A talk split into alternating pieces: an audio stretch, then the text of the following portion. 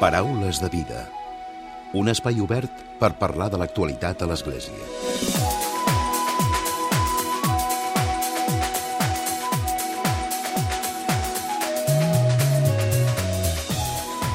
Què tal? Salutacions i molt bon dia, molt bon diumenge. Iniciem un nou Paraules de Vida en aquest mes de maig i ho fem amb diverses propostes. Avui, la primera d'elles ens fa parlar amb l'Oriol Martín. Ell és membre de l'equip de Pastoral La Salle de Catalunya. I a més a més ha fet un documental, un documental que es va estrenar el passat divendres, que té per títol Som persones, la dignitat. De fet, es tracta d'una reflexió sobre què és la dignitat. A través d'aquest documental, que s'ha estrenat, com us expliquem, aquest passat divendres, 11 personalitats, 11 persones, el que fan és respondre a dues preguntes molt clares, molt concretes. Què vol dir ser persona avui i com defineixen la dignitat humana? Entre aquestes persones que podem veure al documental hi ha, per exemple, Cesc Freixas, també Núria Ortín, Anna Roig o també Laura Borràs i Beatriz Talegón persones que, com us expliquem, reflexionen en aquest documental, en aquest treball que està impulsat per l'Oriol Martín. Ell és responsable també del canal de YouTube Núvol Interior. Amb ell parlarem de seguida, però abans us recordo que és el primer diumenge de mes i, per tant, tenim una nova secció del sacerdot i periodista Fernando Cordero, la seva secció mensual des de Sant Pere de Roma. Avui ens porten, Fernando, notícies des de la primavera romana que Francisco està impulsant, diverses accions que el papa Francesc està impulsant. Avui en parlem de tot plegat en aquest Paraules de Vida que acabarà també amb el comentari de l'actualitat de Francesc Romeu. Comencem.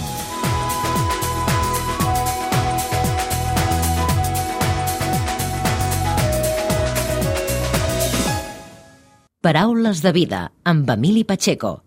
Oriol, bon dia i benvingut novament al Paraules de vida. Molt bé, bon dia.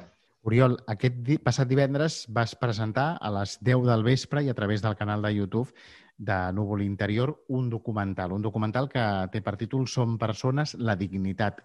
En què consisteix aquest documental? Mira, uh, la idea va sortir quan uh, s'apropava el, ara fer el vuitè capítol d'Atzucac, que és aquesta sèrie que fem infantil, de submergir-nos en diferents espais interiors per infants de 5 a 10 anys. Eh, parlant amb l'equip de sensibilització de Càritas Diocesana, amb la Marta, els hi vaig dir, escolta, pensem un tema. I van dir, mira, ja eh, eh, fem una, una proposta, parlar del tema de la dignitat. Jo vaig dir, ostres, eh, és un bon, és un bon, un bon tema pels nens i després se'm va ocórrer, per què no aprofitem en aquest moment que fa falta, jo penso, reflexió, fa falta espai comunitari de retrobar-nos a moltes coses, per què no fem un, un espai, un, un documental, ni que sigui curt, en testimonis sobre persones de diferents àmbits que puguin ells definir espontàniament què és per ells ser persona i, per tant, la dignitat humana. No? D'aquí va, va sorgir. Uh -huh. I el que podem veure en aquest documental és el testimoni d'11 persones. D'11 persones, sí. La veritat que és un... És, jo el, el defineixo com un calidoscopi diferent. Eh, comença amb persones del món cultural, artístic, que és molt interessant perquè a vegades pots recórrer a persones de dir, mira, més d'això, més de un filòsof o una persona més activista, que sí que surten a la part final, però persones del món de la cultura que parlin sobre aquests temes, quan jo vaig, vaig contactar amb persones concretes, van dir, home, és estrany, no?, perquè no se'ns pregunta massa. Nosaltres som actors o actrius, Eh, hi ha els Cis Freixes cantants i que està la col·laboració de la presidenta del Parlament que també fa ella la seva, la seva definició, hi ha periodistes, hi ha... I, I és veritat que a poc a poc, a la part final, sí que arribem a un, a un contingut dels testimonis que jo dic de la cura de persones, no? I que és una part, penso també, molt interessant que hi sigui, no? Són persones que parlen de què és per elles eh, la dignitat humana, no? Exacte. És, és una definició que per ells parlen des de, alguns molt des de l'experiència personal, altres parlen més des de l'experiència de, de la seva tasca diària i, per tant, són definicions molt diferents. I per això, quan dic que és un calidoscopi, eh, qui no l'hagi pogut veure, com que està penjat al YouTube, el recomano, perquè és un calidoscopi que quan l'has vist tot veus eh, què, què vol dir avui ser persona amb la realitat, amb aquesta pandèmia, postpandèmia, que estem en un moment que no és fàcil a nivell social ni, ni personal tampoc, veure què, què ens diu i què ens fa reflexionar tot aquest testimoni d'11 persones no? tan Mm. diferents. Tot i que no ho despatllarem, però sí, perquè així la gent que escolti avui el programa pugui entrar, pugui buscar a, a Google directament, no?, el núvol interior, Exacte. el teu nom, i si no també posant documental sobre la dignitat i segurament que, que Sí, pot... Mm, Correcte. Oriol, però igualment, eh, no sé si hi ha un comú denominador o si hi ha eh, alguna cosa, un tret característic de totes aquestes persones quan han parlat de dignitat, si, si hi ha alguna característica que sigui comuna. És, jo crec que en, en tots surt d'alguna manera, i és veritat, es repeteix com la paraula respecte, que és una paraula que va sorgint, no? Respecte i com acceptar-nos i sobretot l'exercici d'acceptar l'altra persona, no? Jo, jo se'm va ocórrer veient les imatges de, del que anaven dient entre tots. Hi ha un fil conductor a nivell de, més estètic, però també visual, que és un, el foc que acompanya tot el diàleg, la connexió entre tots, eh, al final també surt, és el foc, el caliu, que per mi era una imatge molt suggerent per explicar que en el foc ens hi trobem tots, ens hi apleguem, i és un espai també de reflexió, de diàleg, i penso que ha quedat maco el, el, aquest caliu, que és el, el foc també que es, es va apagant i que és, aquest, aquesta dignitat és fràgil avui també, no? Com diu la Beata Legon, que també participa, ella diu ai, ai, cal lluitar aquesta, aquesta dignitat, no? Cada dia, no? Mhm. I potser, com dius, no? més ara en temps de pandèmia, no? en temps en el que potser la gent, eh, tots, no? estem afectats, estem tocats de, per aquesta situació de pandèmia que ens ha trasbalsat i que potser no sabem com reaccionar. No? Exacte, sí. A mi, mira, llegia una frase de l'últim llibre del Josep Maria Esquirol, Humà més humà, i ell diu, la vida no ens ve, no ens ve de fora, ens ve de dins, no? I és veritat que escoltar que des de dins tots aquests testimonis parlen de què vol dir que la realitat personal l'hem de retrobar, l'hem de lluitar amb drets, amb justícia, eh, hem de visibilitzar moltes realitats, eh, doncs, doncs sí, penso que és un documental que té una actualitat increïble, no? Sí. Eh, Com dius, es parla de justícia, es parla de vida, es parla de respecte i, i Oriol, a la recta final del documental també es pot veure la col·laboració que has tingut amb entitats, no? com Càritas, com Arrels, Fundació o com la, l'obra Mercedària, oi? Sí, també, també hi ha una, una associació que es diu que és Prosperitas. Totes aquestes entitats, clar, tenen la cura de persones, no? I és veritat que eh, fem un bloc al final de tot en què elles, evidentment, parlen de la realitat. Eh, eh, no és una visió gens assistencialista, per tant, a mi això també ho tenia molt clar amb ells, sinó la dignitat humana és, tu pots tenir una realitat, viure una realitat de pobresa, en una realitat que, que ets vulnerable, però la dignitat de la persona sempre hi és, no? I l'hem de recuperar, no? Fins i tot, com diu el director de la Fundació Reals, el Ferran Busquets, no? que la dignitat de la persona que està al carrer no li podem privar d'aquesta dignitat, no? L'hem de, d'alguna manera, de, de recuperar, no? Sí, és, és una, un collage final que penso que ens dona un, un encaix de, de comunitat oberta, inclusiva i de recuperar molta gent que està en els vorals avui de la societat i que ens hem adonat amb la pandèmia de que molta gent ha quedat molt tirada, no? Doncs que l'hem d'incorporar, sí o sí. No? Sigui la perspectiva a la qual estem com a persones, la dignitat sempre hi és, no, Oriol? I ja per acabar. Exacte. Sem sempre hi és i és veritat que eh, el, el documental precedeix el capítol que farem ara al maig d'Exucar, que tindrà aquest nom, més pels nens, que es dirà Som persones, i serà un final, vuit capítols al llarg de tot aquest any, que vam començar més o menys a l'abril passat, un any en què tanquem amb la realitat personal ben viva i, i ben actual. Doncs sí. Uh -huh. Doncs, Oriol, per acabar, recomana a la gent que com pot seguir-te, com pot eh, veure aquest documental. Molt bé, doncs mira, us recomano que si entreu al blog, al núvolinterior.blogspot.com i allà està sempre tot. Està l'enllaç, està el canal de YouTube i està tots els meus comentaris, tot el material que generem de reflexió, d'acompanyament, doncs està, allà, està allà en el blog. Hola a tots i totes. Soc l'Oriol i sóc eh, la veu de Núvol Interior. Durant tot aquest temps hem anat reflexionant i posant sobre la taula molts temes diferents, tant per als adults com pels infants. I sempre temes per submergir-nos, per poder descobrir, mai imposar, sinó fer tota una recuperació del nostre temps personal i comunitari que ens ajudin a trobar i sobretot una cosa avui potser és molt valuosa de retrobar, que és tenir temps per viure la profunditat i viure les nostres vides. Ens feia molta il·lusió eh, posar un dels grans temes eh, sobre la taula, que és el tema de el ser persona. La dignitat no és quelcom que ens vingui donada. Tota persona, el fet de ser persona, té dignitat. No? I què estem parlant? De què parlem quan diem dignitat? Quan diem ser humà? Soc persona, però som persones. Visc, però els altres també viuen.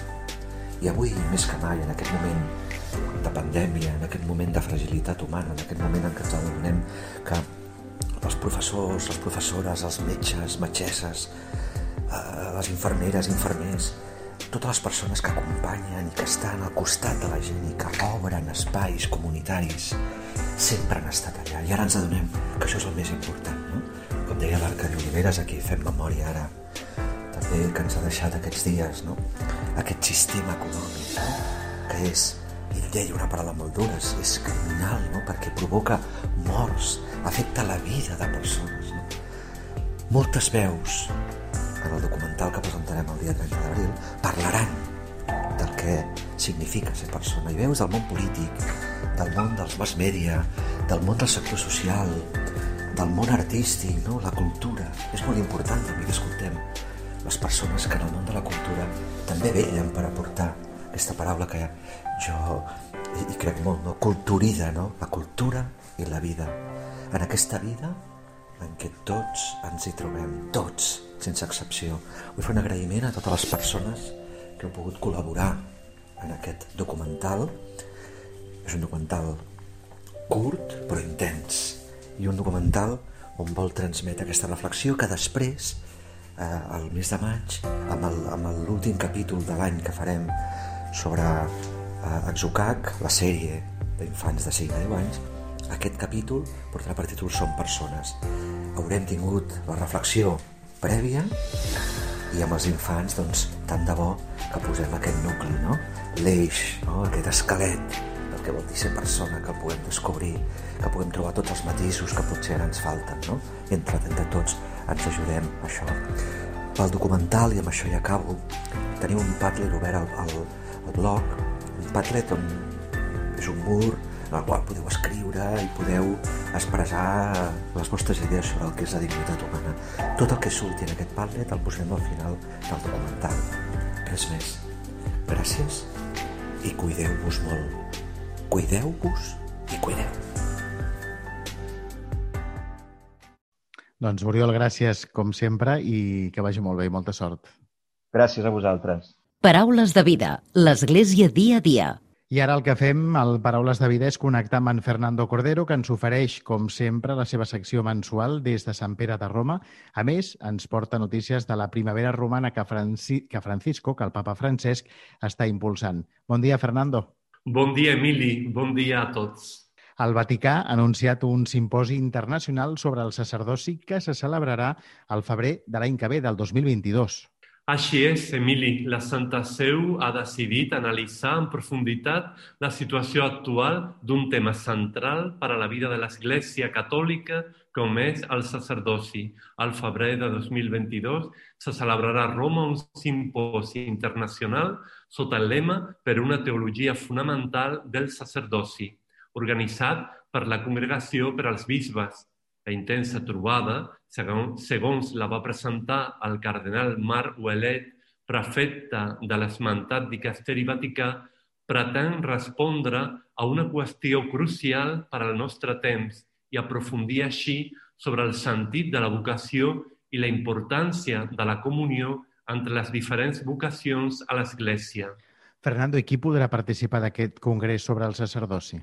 Aquest congrés teològic, Emili, estarà obert a tothom, tot i destinat principalment als bisbes i afrontarà diverses qüestions, des de les actualitzacions pastorals a l'ecumenisme, passant pel, papa, pel paper de la dona, l'escassetat de vocacions, el secularisme, els desafiaments ideològics o les respostes als moviments culturals contemporanis. No s'escatimaran els temes que produeixen tensions o visions pastorals divergents, va reconèixer Ouellet. En aquest mes de maig que ara encetem, que tot just encetem, eh, Fernando, ens recordes alguna figura sacerdotal que pugui inspirar aquesta reflexió que s'ha fet des de Roma? Al costat de la figura de la Mare de Déu, al maig celebrarem sants sacerdots de la talla de Joan d'Àvila, Damià de Molokai o Pere Tarrés. Aquest últim, el doctor Tarrés, primer metge que va atendre els soldats a la trinxera al segle passat i després sacerdot, tot i que no podrien dissociar les dues vocacions. Confessava Pere, per al metge, el llit del malalt és un altar i el malalt és la imatge de Jesucrist. En aquest temps de pandèmia, la seva figura sacerdotal és especialment consoladora. I també hi ha hagut un nomenament significatiu en la Congregació per la Doctrina de la Fe aquest a mitjans del mes d'abril, oi? Efectivament, Emili, el papa francès s'ha fixat en un dels teòlegs italians més interessants de l'actualitat per insuflar aire fresc a la congregació per a la doctrina de la fe. Es tracta d'Armando Mateo, professor de Teologia Fonamental a la Pontifícia Universitat Urbaniana de Roma, que ha estat nomenat subsecretari adjunt de l'antic Tribunal del Sant Ofici. Doncs va, explica'ns una mica d'Armando Mateo, aquest nou subsecretari de la Congregació per la Doctrina de la Fe. De 50 anys i origen calabrès, sud d'Itàlia, Mateo ha escrit nombrosos assajos divulgatius en què analitza amb una mirada original fenòmens socioreligiosos complexos, com l'allunjament de la pràctica religiosa per part de les dones de 40 anys o la difícil relació entre els joves i la fe catòlica. Un dels seus últims llibres, titulat Pastoral 4.0, Eclipsi de l'adult i transmissió de la fe a les noves generacions, va ser enviat a tots els bisbes d'Itàlia pel president de la conferència episcopal, el cardenal Gualtiero Bassetti, en considerar-lo un traçó sobre el qual reflexionar de cara a l'Assemblea General. Aquest volum proposa una revolució evangelitzadora a les comunitats parroquials que superi l'actual bogeria pastoral de qui creu que aconseguirà resultats diferents fent sempre les mateixes coses. Mm. I quina és la proposta pastoral d'Armando Mateo? El seu imperatiu, Emili, és el següent – actua d'una manera que contribueixi sempre al procés d'evangelització. Fora d'aquest horitzó no es trobaria cap raó de ser ni tan sols per la cúria romana. Estem tots cridats aquesta missió, portar al món l'alegria que neix i reneix sempre quan ens trobem en Jesús i el seu evangeli. I avui ens acomiadem d'aquesta secció fins al mes que ve, Fernando, escoltant el, escoltant el papa Francesc. Sí, Emili, finalitzo la meva intervenció en unes paraules de Francesc del seu missatge al Congrés Internacional Dona Excepcional dedicat a Santa Teresa de Jesús amb motiu del cinquè aniversari del doctorat de la Santa. Puede que transitemos por cañadas oscuras, No le tengan miedo si está el Señor con ustedes. Pero Él no deja de caminar a nuestro lado y de conducirnos a la meta que todos anhelamos, la vida eterna. Paraules de vida amb Emili Pacheco. I tot seguit arriba el comentari de l'actualitat de Francesc Romeu. Francesc, molt bon dia. Molt bon dia a tothom. La Índia és, en aquests moments, el país del món més afectat per la pandèmia del coronavirus. Les informacions que s'estan rebent a mans unides, que està en contacte permanent amb el país asiàtic, són aclaparadores. Centenars de milers de persones se sumen cada dia a les llistes d'afectats i el nombre de morts no para d'augmentar fins al punt que en algunes ciutats els carrers s'han convertit en autèntics crematoris a l'aire lliure, on cada dia es cremen milers de cossos.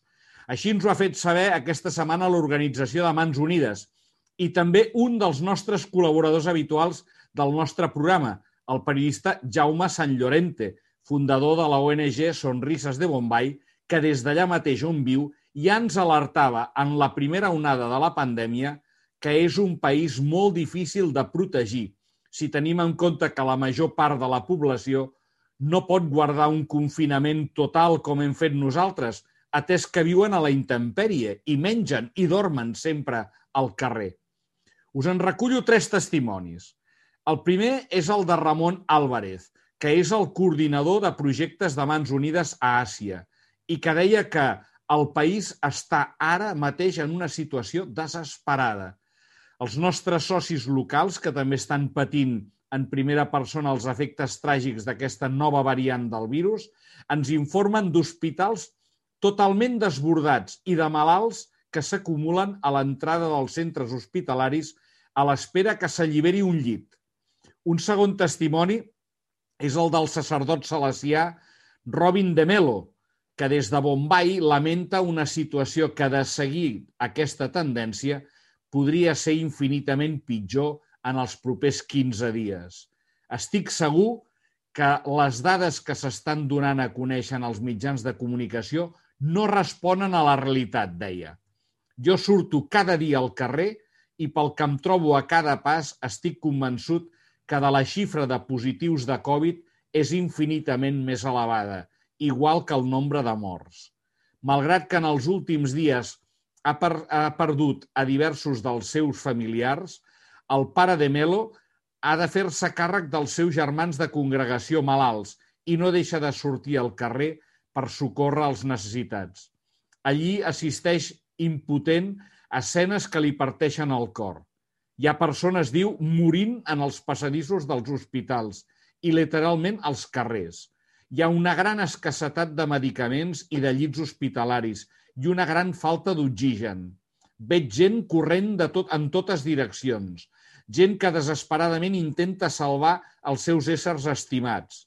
Aquest religiós indi, que dirigeix el centre Don Bosco a la ciutat de Bombay, porta des de l'inici de la pandèmia treballant per pal·liar les conseqüències de l'emergència entre els sectors de la població més vulnerables i assegura que no pot descriure en paraules el que ha estat presenciant en aquesta segona onada de Covid. Una situació que, com diu ell, supera qualsevol pel·lícula de terror que es pugui imaginar.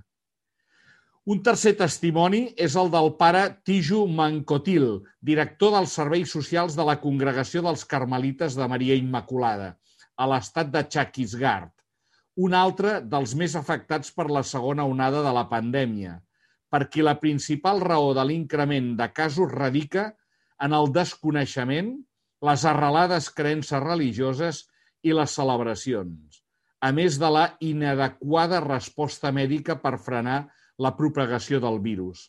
Aquest carmelit ens alerta del que pot succeir quan el virus arribi a les zones rurals, on la cobertura sanitària és gairebé inexistent, atès que les dues terceres parts de la població de l'Índia habita en zones rurals, la batalla per fer front a la pandèmia es presenta allí molt complicada. En les zones rurals, més de les dues terceres parts dels treballadors sanitaris no tenen formació mèdica, però són l'única opció perquè la major part de la població rebi assistència sanitària, una població que acudeix també a pràctiques supersticioses molt arrelades. El nou confinament decretat pel govern està incrementant el patiment de les comunitats més desfavorides en el camp i en la selva. Les persones amb treballs precaris que cobren cada dia hauran d'enfrontar-se a la fam, perquè, a més, el confinament afecta els sistemes de proveïment públics amb el consegüent augment dels preus. Com diu ell, moltes persones de les comunitats tribals es desplacen a l'estiu a d'altres estats per treballar com a jornalers. Els ingressos que obtenen els permeten fer front a la vida diària i estalviar per poder dur a terme les tasques agrícoles en l'època del monzó.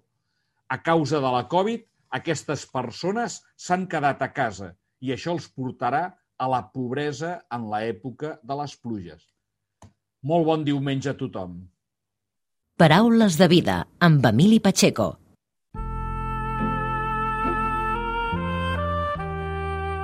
Us oferim la carta dominical de l'arcabisbe de Barcelona, Joan Josep Omella. Déu vos guard. Ahir vam celebrar el Dia dels Treballadors i de les Treballadores. Tal com recull el nostre pla pastoral, en l'eix que estem tractant aquest any sobre els pobres, l'atur i la precarietat són dues de les causes principals de la situació de pobresa de moltes famílies. La realitat del món laboral, que ja era preocupant a finals del 2019, s'ha agrejat amb la pandèmia de la Covid. En 13 anys haurem patit dues crisis econòmiques de grans dimensions que estan impactant de manera severa en la vida i futur dels joves. Poder treballar ha esdevingut una gran sort per als joves i no tan joves. L'absència de la feina fa que molts estiguin passant un calvari. La majoria no vol apedaçar la seva vida amb ajuts lents i de vegades incerts, sinó que vol trobar una feina que permeti mantenir la família amb dignitat. La necessitat i la desesperació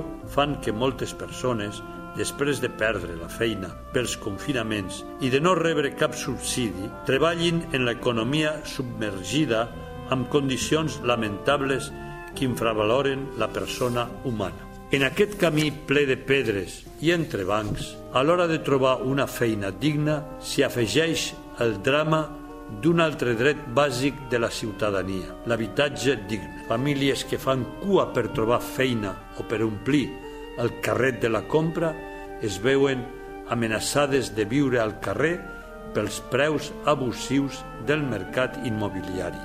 Tenir un habitatge digne i poder-lo pagar és un luxe que no és a l'abast de tothom. L'economia pateix, sí, però molts treballadors malviuen i els que no poden treballar agonitzen. Davant d'aquesta realitat, com a cristians tenim esperança. Creiem i anunciem que un altre món del treball és possible per evitar la pobresa i millorar la vida de les persones. El papa francès, en l'encíclica Fratelli Tutti, ens recorda que, cito, solidaritat és pensar en termes de comunitat, de prioritat de la vida de tots sobre l'apropiació de béns per part d'alguns. També és lluitar contra les causes estructurals de la pobresa, la desigualtat, la falta de feina, de terra i d'habitatge, la negació dels drets socials i laborals. És fer front als destructors afectes de l'imperi del diner. Fi de la citació.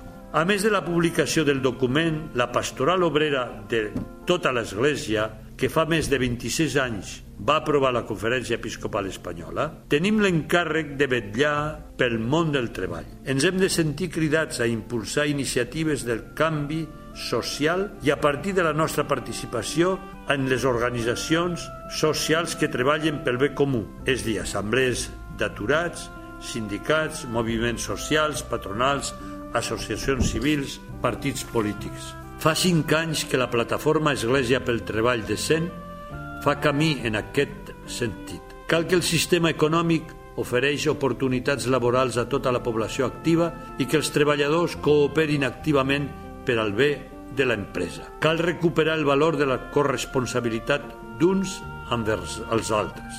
Benvolguts germans i germanes, fem tot el que sigui a les nostres mans per transformar les estructures que ens impedeixen viure fraternalment com a fills de Déu. Que treballar no sigui només tenir una gran sort.